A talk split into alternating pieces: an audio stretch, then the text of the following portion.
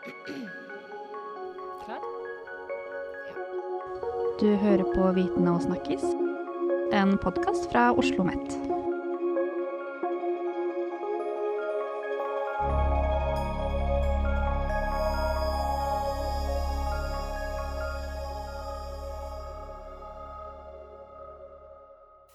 Hei og velkommen til Viten og snakkes. I dag er temaet datasikkerhet. Og jeg har med meg eh, professor Lothar Fritsch.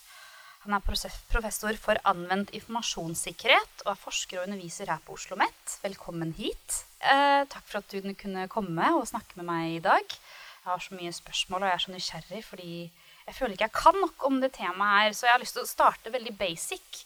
Hva er hacking? Hacking er en aktivitet der man utforsker datateknologi, eh, og man, man leter enten etter hull man kan utnytte for å bruke eller ta over eller fjernstyre eh, eller, eller ta ut noen spennende data. Eh, eller man på noen systematisk vis utforsker hva ellers man kan gjøre med en digital objekt, en datamaskin, en database. Så det, det er alt fra altså nysgjerrighet eller, eller, eller, en sporty holdning til å overta en datamaskin og se hva den kan gjøre, opp til til slutt organisert kriminalitet eller, eller krigsvirksomhet. Så det må ikke, det er, må ikke være dataangrep i den forstand, hacking. Det er mer for å ta over noen andre system. Ja, Originalt kommer denne begrepet hacking eh, kommer jo fra elektronikkamatørene, som eh, utforsket hva som er mulig å gjøre med datamaskiner eller med elektroniske produkter. Og eh, en del av motivasjonen var jo å finne ut hva ellers kan denne produktet gjøre, når man hakker seg inn. Eh, og får den til å gjøre noe annet enn leverandøren tenkte den skal gjøre. Og det var en, en sånn utforskende lek i 70-80-tallet da elektronikken kom til liv og kom til produktene. Så tanken var jo egentlig god. Det var jo bare å utvide mulighetene til produktene. Ja, det var jo både at, at tanken var kanskje stimulert av nysgjerrighet og, litt kreativ tenkning. Men altså produktene på den tidspunkt var jo ikke på internett. Så man hakket da et enkelt, isolert system på desken. Og der var skadevirkninger man kunne gjøre med hackingen, var begrenset til en datamaskin på desken. Og det var ikke internettservere som var nettjenester som forsvant, eller diskene som ble kryptert hos andre folk der. Så det var en helt annen kontekst på den tid. En helt annen tid òg, på en måte. Mm. Um, og det tar meg videre til neste spørsmål, fordi uh, på den tiden så var jo hacking kun da på isolerte systemer eller tjenester på desken, som du sier, uten internett. Men uh, i dag, hva slags type hackemetoder finnes det egentlig? Det finnes jo alt mulig i metoder. Den uh, enkleste er jo at man tilfeldigvis uh, legger merke til et programvarefeil som kan utnyttes. Man kan logge inn fordi fabrikkpassordet er altfor enkelt å gjette. Eller fordi man kobler til med USB-minnepinne, og så kommer man inn et sted man vanligvis ikke kommer inn. Så det er tilfeldige oppdagelser. Da er det den lekne hackingen, eh, der folk eh, har litteratur over kjente sikkerhetsproblemer og bare sjekker om det fins eller ikke i en produkt. Så er det hacking til eh, det mindre kjente personer, der man laster ned hackingverktøy fra nettet som man kan bruke med lite kunnskap selv.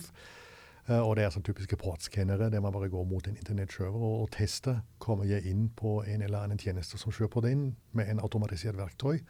Og det kan brukes av tolvåringer. Mm, hvis du hadde ønsket, så kunne du ha lastet ned et sånt program ja. og begynt med det. Så egentlig er hacking noe alle bare kan starte med, sånn egentlig? Ja, det kan man jo, men også er det jo systemer som oppdager sånn primitiv hacking. Der man sier at noen systematisk tester alle applikasjoner. Ja, så blir det alarmer startet. Til, til, slutt i Spektrummet så er det jo profesjonelle hackere.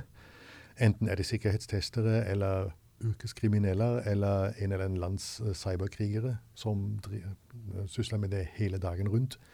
Og det har mye ressurser og høy kunnskapsnivå og kunnskapsdatabase. Og jobben deres er rett og slett å finne fram til nye inntrengningsmuligheter. Jeg har hørt, hørt om, om bedrifter som faktisk ansetter profesjonelle hackere som har drevet litt på si ulovlig, men nå er på lovlig-siden og prøver å hacke deres systemer for å finne sikkerhetshull? Ja, det, det er vel en, en, en sånn uh, historie der, der, man går fra vasketallerken til millionær. Mm. Det har skjedd et par ganger, men uh, som bedrift jeg tenker meg litt om om det er nettopp den type person jeg vil ha innerst i mitt IT-system. der. Uh, det man vanligvis gjør i dag, er uh, enten ansetter man egne eksperter, eller man hyrer inn et, et sikkerhetskonsulent eller konsulentfirma som, som, gjør det. Det kalles for pentesting eller penetration testing. Der man da angriper interne systemer og ser hva forsvaret der duger. For jeg har gjort litt research på akkurat det her med hacking. og det har jo kommet mye mer i nyhetene bare føler jeg de siste to-tre årene med, med, hackerangrep. Spesielt med tanke på krigen i Russland, eller krigen i Ukraina, da, med Russland og, og alt. Og et type hackerangrep som går igjen, er DDoS-angrep. Som har skjedd på nrk.no. Det har skjedd på Arbeidstilsynets nettside. Og det jeg lurer på da, hva, hva, er det for noe, egentlig? Og hva får egentlig hackeren som gjør det, ut av det? Fordi i disse artiklene så står det jo ikke noe om løspenger. Det står liksom ingenting om hva hackeren får ut av, av angrepet. DDoS på norsk heter jo overbelastningsangrep.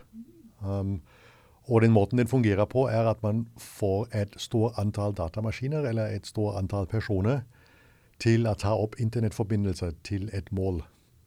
Og antakelsen er at den serveren som er mål, den kan jo håndtere et visst begrenset antall forbindelser samtidig.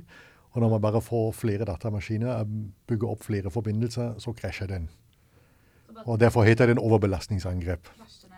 Ja. Og effekten er jo at den er utilgjengelig for brukerne. Så om du skal da logge inn til din skattemelding eller annet sted under en overbelastningsangrep, så kommer du ikke inn. Um, den gjør sannsynligvis veldig lite skade på systemet som er berørt, men det blir jo tjenestestans så slik at man ikke kommer inn. Og med skattemelding er det ofte slik at vel, da gjør jeg det i morgen. Så skaden er begrenset. Uh, og en overbelastningsangrep ofte varer bare et par timer til den er identifisert, og så blir jo på nettverksnivå blir kildene til den overbelastningstrafikken blir bare stengt ute. Men hvorfor gjør hackerne det her, eller hvorfor utføres et sånt angrep, egentlig? Det fins ulik motivasjon her.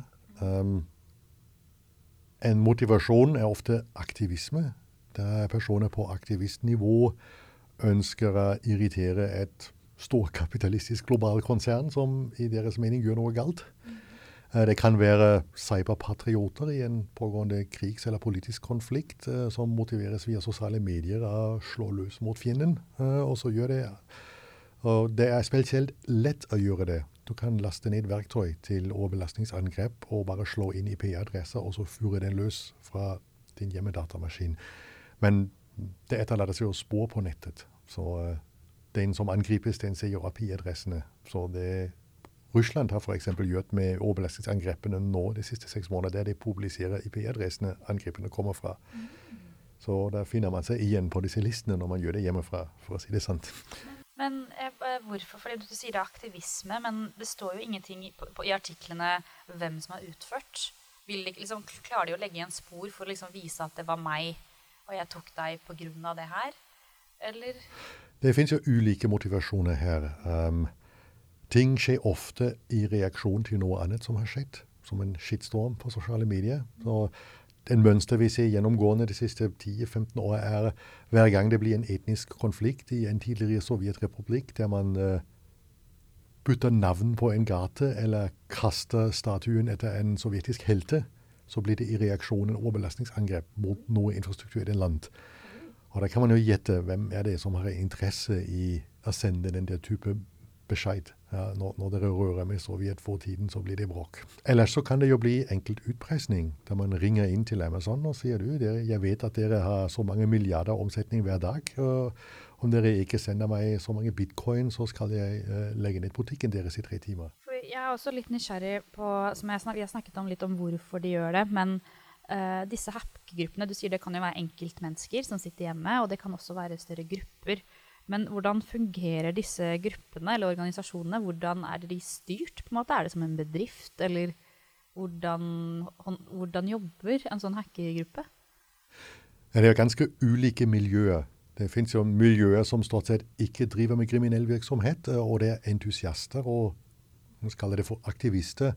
Det finnes jo en velkjent forening i Tyskland, Chaos Computer Club, Og det er sånne entusiaster som hacker ting fordi de vil finne ut hvordan de fungerer. og delta i politisk debatt om teknologiregulering og sånt. Uh, så det har vært ut med, med mange sånne hacking-stand der de viser at uh, det er farlig potensial i nye teknologier òg. Så de er åpne om at de gjør det? Det er en registrert forening oi, oi, oi. der man kan bli medlem uh, med vedtekter og alt. så det er, det er altså, på den hvite siden. Og så er det en gruppe som rekrutteres over sosiale medier. Det er sånn type shitstorm uh, på Twitter. Det fins også i hackerscenen, der, der, det er en eller annen sak man har sterke emosjoner om, og så lar man seg rekruttere inn i en sånn spontan sammenslutning som gjør noe med saken. Og Det har jo skjedd mye de siste månedene med, med, krigen i Ukraina, at begge sider har, har kalt amatører til cyberkrig. Og så blir det publisert lister med IP-adresser eller, eller, bedrifter man skal angripe hjemmefra med disse angripsverktøy og sånn. For det blir jo ganske kraftfullt når man får mange, mange med? Ja, Spørsmålet er jo hvilken forventet skadevirkning man har. Blir det overbelastningsangrep? Ja, hvem bryr seg om om en nettside til en bank forsvinner i tre timer? Hmm. Skaden eh, med hensikt til krigen er jo svært begrenset. Det er stort sett et reputasjonsskade. Ja, det, det, er det. Men på øverste nivå så er det jo uh, grupper som er veldig velorganisert. Det kan være yrkeskriminelle uh, som finner seg via nettmedier og som går på tokt for å tjene penger fordi noen har funnet et nytt sikkerhetshull eh, som kan gjøres om til utpressede penger. Og så går noen folk med, med visse kunnskaper sammen og kjører det. Um, med andre grupper, um, disse berømte russiske hackergruppene, så er det dokumentert at det har en, en hierarki som en bedrift. Det har sjefer og selgere og tekniske eksperter og påvirkningseksperter som får folk til å gi passord fra seg og for å installere programvare og sånt. Så det, det driver egentlig som en virksomhet, bare med formål å utnytte andre folks computer for å tjene penger der. Ja, for jeg har hørt om en bedrift, eh, en sånn hackerbedrift hvor de også hadde måneds ansatt. Og de hadde også HR-avdeling.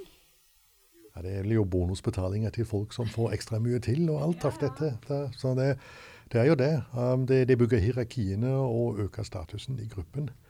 Og på øverste enden så er det jo de organiserte cybersoldater, eller hemmelige tjenestes uh, cybergrupper. Og det fungerer jo stort sett som Forsvaret og politiet uh, i regi av stater, der man har hierarkier, kunnskaper, tjenesteinstruks uh, og ressurser tilgjengelig. Og personal man setter på prosjektet der. Så over til noe litt annet. fordi For et par uker siden så fikk jeg et hackerforsøk mot meg. Eh, det var søstera mi som sendte meg meldinger og spurte om jeg kunne sende henne telefonnummeret mitt. Og jeg sendte telefonnummeret mitt, og så spurte hun om jeg kunne da eh, sende henne linken jeg hadde fått oppe i meldinger. Og jeg var på jobb, og jeg hadde mye å gjøre, så jeg bare gjorde det. Og da skjønte jeg på Instagram-kontoen min at noen prøvde å logge inn. Jeg hadde totrinnsfaktorisering, slik at ingen fikk tak i kontoen min. Men søstera mi gikk på, eh, mormora mi gikk på. og hele familien min ble angrepet. Og det liksom, vi snakket om da i familien, var sånn hvor uh, Vi skjønte ikke helt hva de trengte min søsters uh, Instagram-konto til. Hun har bare 200-300 følgere. Sånn, hva er det de hackerne som gjør sånne småskala angrep mot enkeltindivider, og får de igjen? For De har jo ikke spurt om penger for å få tilbake kontoen. Eller gi tilbake kontoen. De har jo ikke spurt om noe. Vel, det, de, stort sett utforsker jo hvilke tilganger du har. Og uh, formålet med å angripe Instagram eller andre sosiale mediekontoer er jo vi, vi bruker jo altfor mye den der logge inn med Facebook på andre tjenester-greiene. Eller bruk din Google-konto for å logge inn til banken, forsikringen, uh, billeieselskap eller hva som helst. Så hva de forsøker er, de ser jo på vennelisten på sosiale mediene. Og så forsøker de å komme inn i kontoer og profiler til folk og så skal de forsøke videre. Hvor kommer vi herfra? Er det en person som har koblet Google-konto opp mot banken? Eh, eller kan vi med hjelp av den der mobilnummeret og tilgangen resette passordet til noe spennende? Så resetter det passordet, ta over profilen og bruker den profilen for å stjele penger fra en av dine bekjente. Det har jo vært angrep der kriminelle uh, sender meldinger 'Hjelp, jeg er strandet i Kenya. Jeg har mistet min lommebok. Alt er borte. Kan du sende penger til den og den her Western Union-konto? Jeg trenger 15 000 kroner.' Ja, og så er det utrolig mye folk som går med på det og sender 15 000 kroner til en ukjent Western Union-konto. Fordi jeg har fått sånne meldinger før, og da har de sett så tydelig at det er, eh, det er scam og det er løgn. Men så her var det liksom riktig bruk av emoji. Jeg spurte hva trenger du det til. Eh, eh, har ikke du telefonnummeret mitt? Så svarte hun sånn ikke tenk på det, jeg mista mobil. Altså, de svarte så godt tilbake. Så jeg er så overraska hvor flinke, flinke de var. Liksom, at de har blitt så At de, de klarer å ha en vanlig samtale.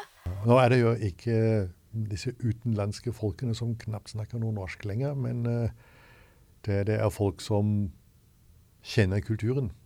Så det, det klarer å imitere veldig mye der.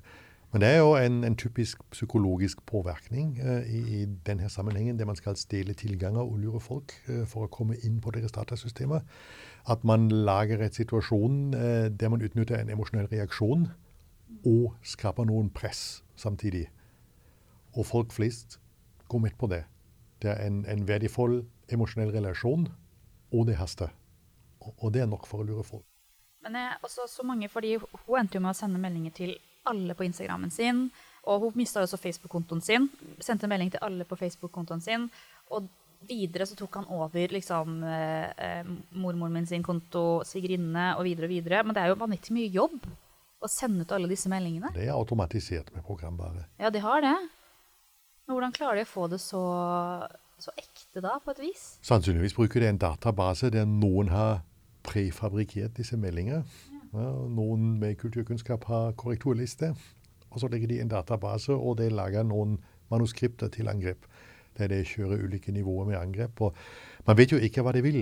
Enten så skal de forsøke å stjele noe verdifullt fra folk, eller de skal lure folk til å sende penger. Eller de skal bare bruke din gode navn for å spre fake news i sosiale medier med under ditt navn. Slik at din hele sosiale nettverk tror på disse fake news. Så det kan være noen som bare samler tilganger for en påvirkningskampanje. Uh, og så videre uh, sier de jo i Dagbladet fordi det har blitt større fokus på cyberangrep de siste åra pga. krigen og generelt bruken av teknologi. Um, og og det er også blitt større fokus på cyberangrep mot bedrifter i Norge og Norge som regjering da etter regjeringen innførte NIS-direktivet samt Natos samarbeid om cyberkrig siden 2007. Uh, dette her sier du da i Dagbladet-intervjuet i juli 2022. Kunne du utdypt hva disse tiltakene betyr? Hva er, hva er NIS-direktivet? Det står jo for Network and Information Security nettverk og informasjonssikkerhet. Det er en EU-rammeverk til hele EU- og EØS-området uh, som regulerer informasjonssikkerhetsarbeidet og kravene innenfor viktige områder i samfunnet.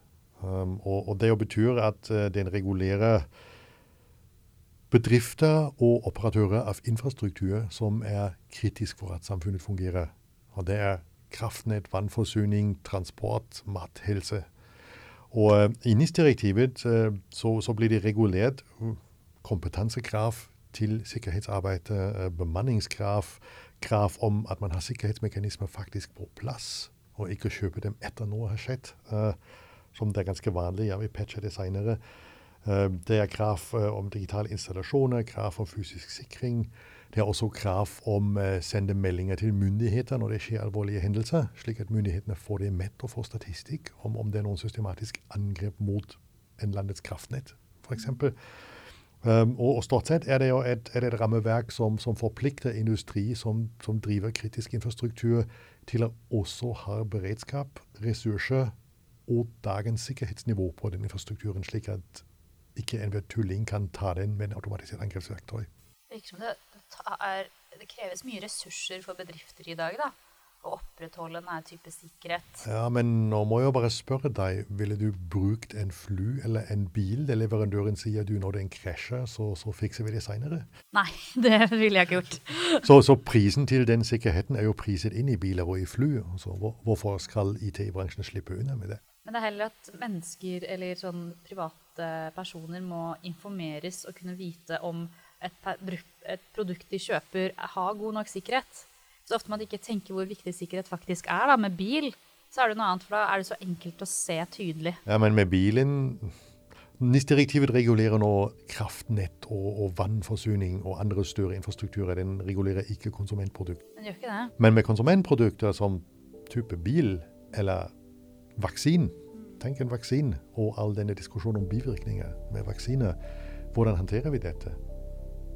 klinisk testing, sertifisering, sertifiserte leverandørkjeder, sertifiserte produksjonskveder, kvalitetstesting og obligatorisk rapportering om affik.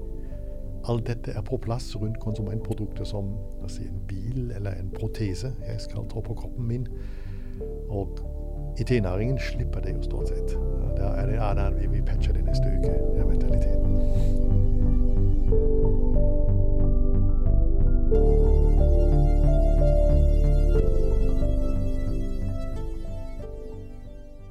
Hvorfor er det viktig for regjeringen at antall hackerangrep mot bedrifter minskes? Fordi én ting er om, som du sier med NIS-direktivet, og at det er viktig eh, mot liksom, strømforsyning og vann og sånne, sånne elementære ting i, i, i, et samfunn. Men hvorfor er det viktig at si 7-Eleven eh, ikke blir angrepet? Eller hvorfor er det viktig at, eh, at skobutikken på hjørnet ikke får et hackerangrep? Hva får regjeringen igjen for det?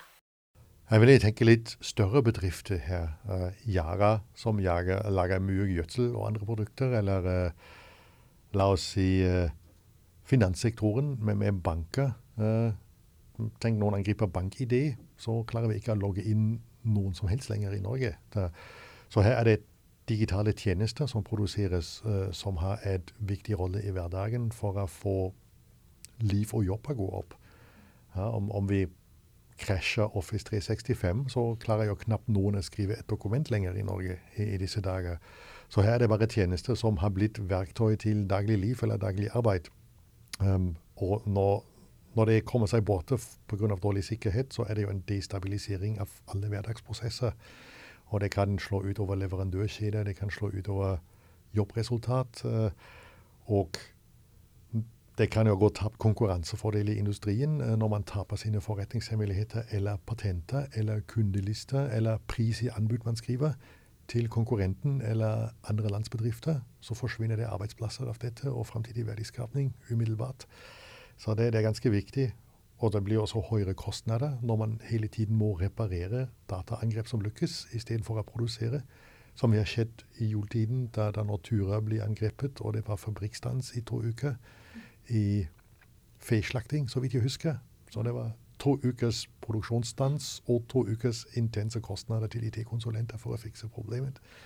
Så det er det også der. Og til slutt er det jo altså eh, politiske og personlige risiko. Um, når data forsvinner Vi hadde jo en sak med Helse Sør-Øst, der noen lands etterretningstjenesten sannsynligvis var inne og har tatt ut pasientjournaler. Og det blir det jo interessante ting av. Uh, I en betent utenrikspolitisk sak så får det plutselig stortingsrepresentanter uh, telefon og blir utpresset med sin helsehistorie, eller vanlige folk blir manipulert basert på dette. Så det, er masse alvorlige virkninger en, en cyberinndrang i vanlige bedrifter kan ha. Mm. Og fordi det jeg syns er litt sånn spennende å snakke om, da, er jo på en måte hele den Ikke spennende, men skummelt, egentlig. Hvordan eh, et angrep kan skape så mye trøbbel for et land. Og derfor hvor viktig det er med den sikkerheten, eh, både hos bedrifter og, og hos regjeringen. F.eks. jeg leste om, um, om, Costa Rica, som i våres, det er ikke så lenge siden, uh, erklærte unntakstilstand etter et dataangrep mot regjeringen. Og da en hackergruppe som kaller seg Conti, krevde 20 millioner dollar i løspenger. Og uh, kan du forklare da hvordan en enkel hackergruppe kan gjøre noe, noe sånt mot et helt land? Hvordan, hvordan har de klart det? Jeg har forsøkt å finne ut hva det var som har skjedd i Costa Rica. Det jeg fant til slutt, var at uh, noen klarte å kopiere ut en enorm volum med data fra landets databaser og landets PC-er og kontorer i statlige myndigheter. Og det var en enorm mengde. Og hackergruppen bare kom og sa om dere ikke gir oss penger, så skal vi publisere dette alt sammen. Og, og, om det var noe veldig pinlig, eller bare militære hemmeligheter eller korrupsjon i dette, har jeg ikke funnet ut av. Men uh, som det ser ut, så var det ikke en dataangrep der man har tatt over datamaskiner, kryptert disker eller sabotert noe eller installert programvare, men det bare lyktes å logge inn og kopiere ut masse med data. Så for meg ser det jo ut som om det var sannsynligvis en vellykket phishing-kampanje der man har stulet masse passord i et infrastruktur der det ikke var tofaktorautentisering. Ja, det er jo et spørsmål om hvor mye penger man har for å holde på med sikkerhetsarbeid. Og det er det et stor asymmetri i verden. Det er rike, høyteknologiske land som har noen ressurser til dette, og det er fattige land som ikke har det, og som fortsatt bruker piratkopierte gamle operativsystemer og sånt.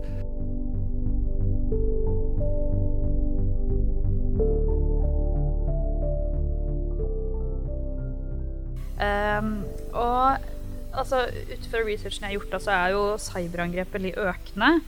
Um, og jeg så også at oljefondet i Norge så har antall dataangrep bare doblet seg de to siste årene. Og fondet blir utsatt for gjennomsnittlig tre sofistikerte angrep om dagen. Uh, og for meg så er det ganske skremmende. Så hva er, det, hva er, det, man kan som samfunn gjøre for å beskytte oss enda bedre mot disse angrepene, som kan påvirke hele landet og hele infrastrukturen? At oljefondet blir angrepet, er jo ikke veldig overraskende. Eh, angrepene går jo der man forventer å kunne tjene mye penger. Og når man bare klarer å lese internkommunikasjon i oljefondet, så har man en god idé hvor neste ukes milliardinvesteringer skal skje, og da kjøper jeg samme aksje og tjener meg fett med det. Så det er sannsynligvis motivasjon til en god del av disse angrepene. at Noen håper å få ut en informasjonsbit eh, for å bli rik til neste uke. Um, hva kan vi gjøre som samfunnet? Ja, det er egentlig slikt at vi trenger økt kompetanse. Vi skal bare alle vite hva vi gjør når vi leker med datamaskiner og samler data og kobler datamaskiner opp mot andre kritiske funksjoner. Og, og det har jo stort sett med kompetanseøkning å gjøre. Um, nå underviser vi ingeniører og informatikkfolk, um, men knapt en annen yrke får noen undervisning i data og datasikkerhet. Så jeg, jeg syns vi, vi, skal ha noen moduler IT-kompetanse og, og grunnleggende sikkerhetskunnskap inn i andre emner der man bruker mye digitale verktøy. Sykepleie kunne jeg tenke meg, der man registrerer pasientopplysninger, har digitalstyrte apparater overalt og hjelpemidler. Så trenger vi kursing senere i livet, fordi studiekunnskap den går jo ut av dato etter 10-15 år. Så vi, vi, må vel bygge opp et system til etterkvalifisering, etterutdanning. Uh, og ellers så må vi ha høyere krav ved ansettelse. Harde kompetansekrav. Uh, vi må også ha hardere graf til produktkvalitet. Ja. Og kompetanse til det som bygger noe, er jo en av kvalitetssignalene man kan bygge inn i et sertifisering. Ja. At det, det, som holder på med dette, faktisk har lært hvordan man gjør det riktig. Og til syvende og sist så må vi alle på personlig plan jo sette oss bedre inn i disse digitale dingsene vi skal bruke. En joggeklokke som sender GPS-koordinater hver sekund et annet sted på et annet kontinent da vi, vi, skulle helst ha et litt mer skeptisk og mindre teknologipositiv holdning. og så Før jeg bruker den, så forstår jeg hva den gjør, og så spør jeg meg selv vil jeg ha det sant. Og I dag så er det en sånn konsumdings. Vi kjøper den, kaster den om et år, og det er så strevsomt å lese disse tolv sider med beskrivelser av hva den virkelig gjør. Uh, og det er, det er, en form for uh, si, naivitet uh, i den holdningen. Det er en luksus som vi betaler med at hele verden stjeler våre bevegelsesmønstre og våre preferanser og våre profiler for å trene opp kunstig intelligens i andre land, som da kommer tilbake som produkter som skal selge enda mer til oss. Ja, til slutt da lurer jeg på, hva gjør du? Eh, hva er dine tiltak? Jeg er grunnskeptisk mot alt form for sosial kommunikasjon. Jeg har ingen aning hvor den kommer fra. Eh, da stiller jeg kontrollspørsmål, som, som du gjør det da din falsk venner kommer og ber om en tjeneste. Um, er skeptisk mot nyheter som forflytter seg fort på sosiale medier. Da tar jeg faktisk en bakgrunnssjekk med å gå til en annen kilde med god reputasjon. Og se om jeg kan finne et satellittbilde på ESA som viser det samme, uh, eller ikke. Uh, ellers så bruker jeg jo litt av min sikkerhetskompetanse for å se om ja, her er det en fabrikkpassord som kan ikke endres på den der webkameraen. Da er den jo egentlig bare skrot. Alle vet den der fabrikkpassordet om en måned i fremtiden. Den selges på lister på Dagnett. Ja, ellers uh, bytte av passord. Ja, man, skulle helst bruke trofaktorautentisering der det er mulig, uten at den ødelegger arbeidsprosesser og sånt. Når man går ut og lager profiler, så ser jeg ingen poeng i at man har navn og telefonnummer på alle profiler. Bruk pseudonymer. Andre navn, ulike e-postadresser i ulike kontekster, slik at man ikke mister alt med en e-postadresse. Ja. Så skulle man ha en, en, litt mer bevisst forhold til mobiltelefonen. Den sporer jo alt vi gjør. Den skanner omgivelsene, den registrerer andre folks mobiler og utstyr. Den uh, lager GPS-koordinater. Google tolker vårt bevegelsesmønster og kommenterer den. Om vi kjører, sykler uh, Det er en attributt som heter for tilting. Det betyr hvor full en er på fredag kveld når den går, når man ser nøye på den. Oi, oi, oi. Ja. Uh, og alt det ekstraherer det fra dataflyten. Ja, og ja, til slutt så vil jeg også si når man leker med programvare, og man skal bare laste ned en ny app eller et nytt program fordi noen har sagt at den er kul, eller det kommer en lenke på Facebook Jeg gjør det på en gammel nettbrett som ikke inneholder noen som helst. Ingen kontaktliste, ingen bank-ID-program. Det er bare den der skreppnettbretten eh, jeg, jeg klikker på factory reset etter jeg vil kvitte meg med den programvare. Og der tester jeg den først. For det er ingen vits i å laste ned tolv nye apper hver uke, og første ting de gjør, er å ta ut min kontaktliste. Jeg begrenser jo adgang til GPS-en veldig sterkt. Jeg har slått av Google Location Services. og uh, Min Android-versjon, jeg har en Android-mobil, da må jo alle appene be meg om tilganger. Jeg har som vane at jeg ikke gir tilganger permanent, men jeg bruker den der bare én gang, eller bare i dag, bare mens appen kjører.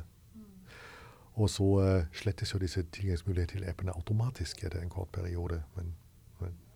Det betyr jo ikke at det ikke blir delt med Google fortsatt. Men uh, da kan jeg i det minste forhindre at en jogge-app eller en, en bussbillettapp sporer alle mine bevegelser om dag og natt når jeg ikke kjører buss. Der. Det er en annen ting folk kanskje ikke er veldig bevisst over, det er med mobilkameraen. Det har en innstilling at den legger inn metadata i bildfilen, og en av disse metadatafeltene det er GPS-koordinatene. Og om du ikke slår det av, så har alle dine bilder på mobilen har GPS-koordinatene hvor det er tatt bygget inn. Og um, det må jo ikke være noe fancy, men noen folk går jo til skogen og plukker kantareller. Og når du bare tar et par skrutebilder og, og fordeler det til vennene, så kan jo vennene lese GPS-koordinater til din kantarellsted rett ut av bildet. Så du burde helst gå inn i kammerinnstillinger og slå av at alle bilder automatisk får GPS-koordinatene. Du hører på Viten og snakkes en podkast fra Oslo OsloMet.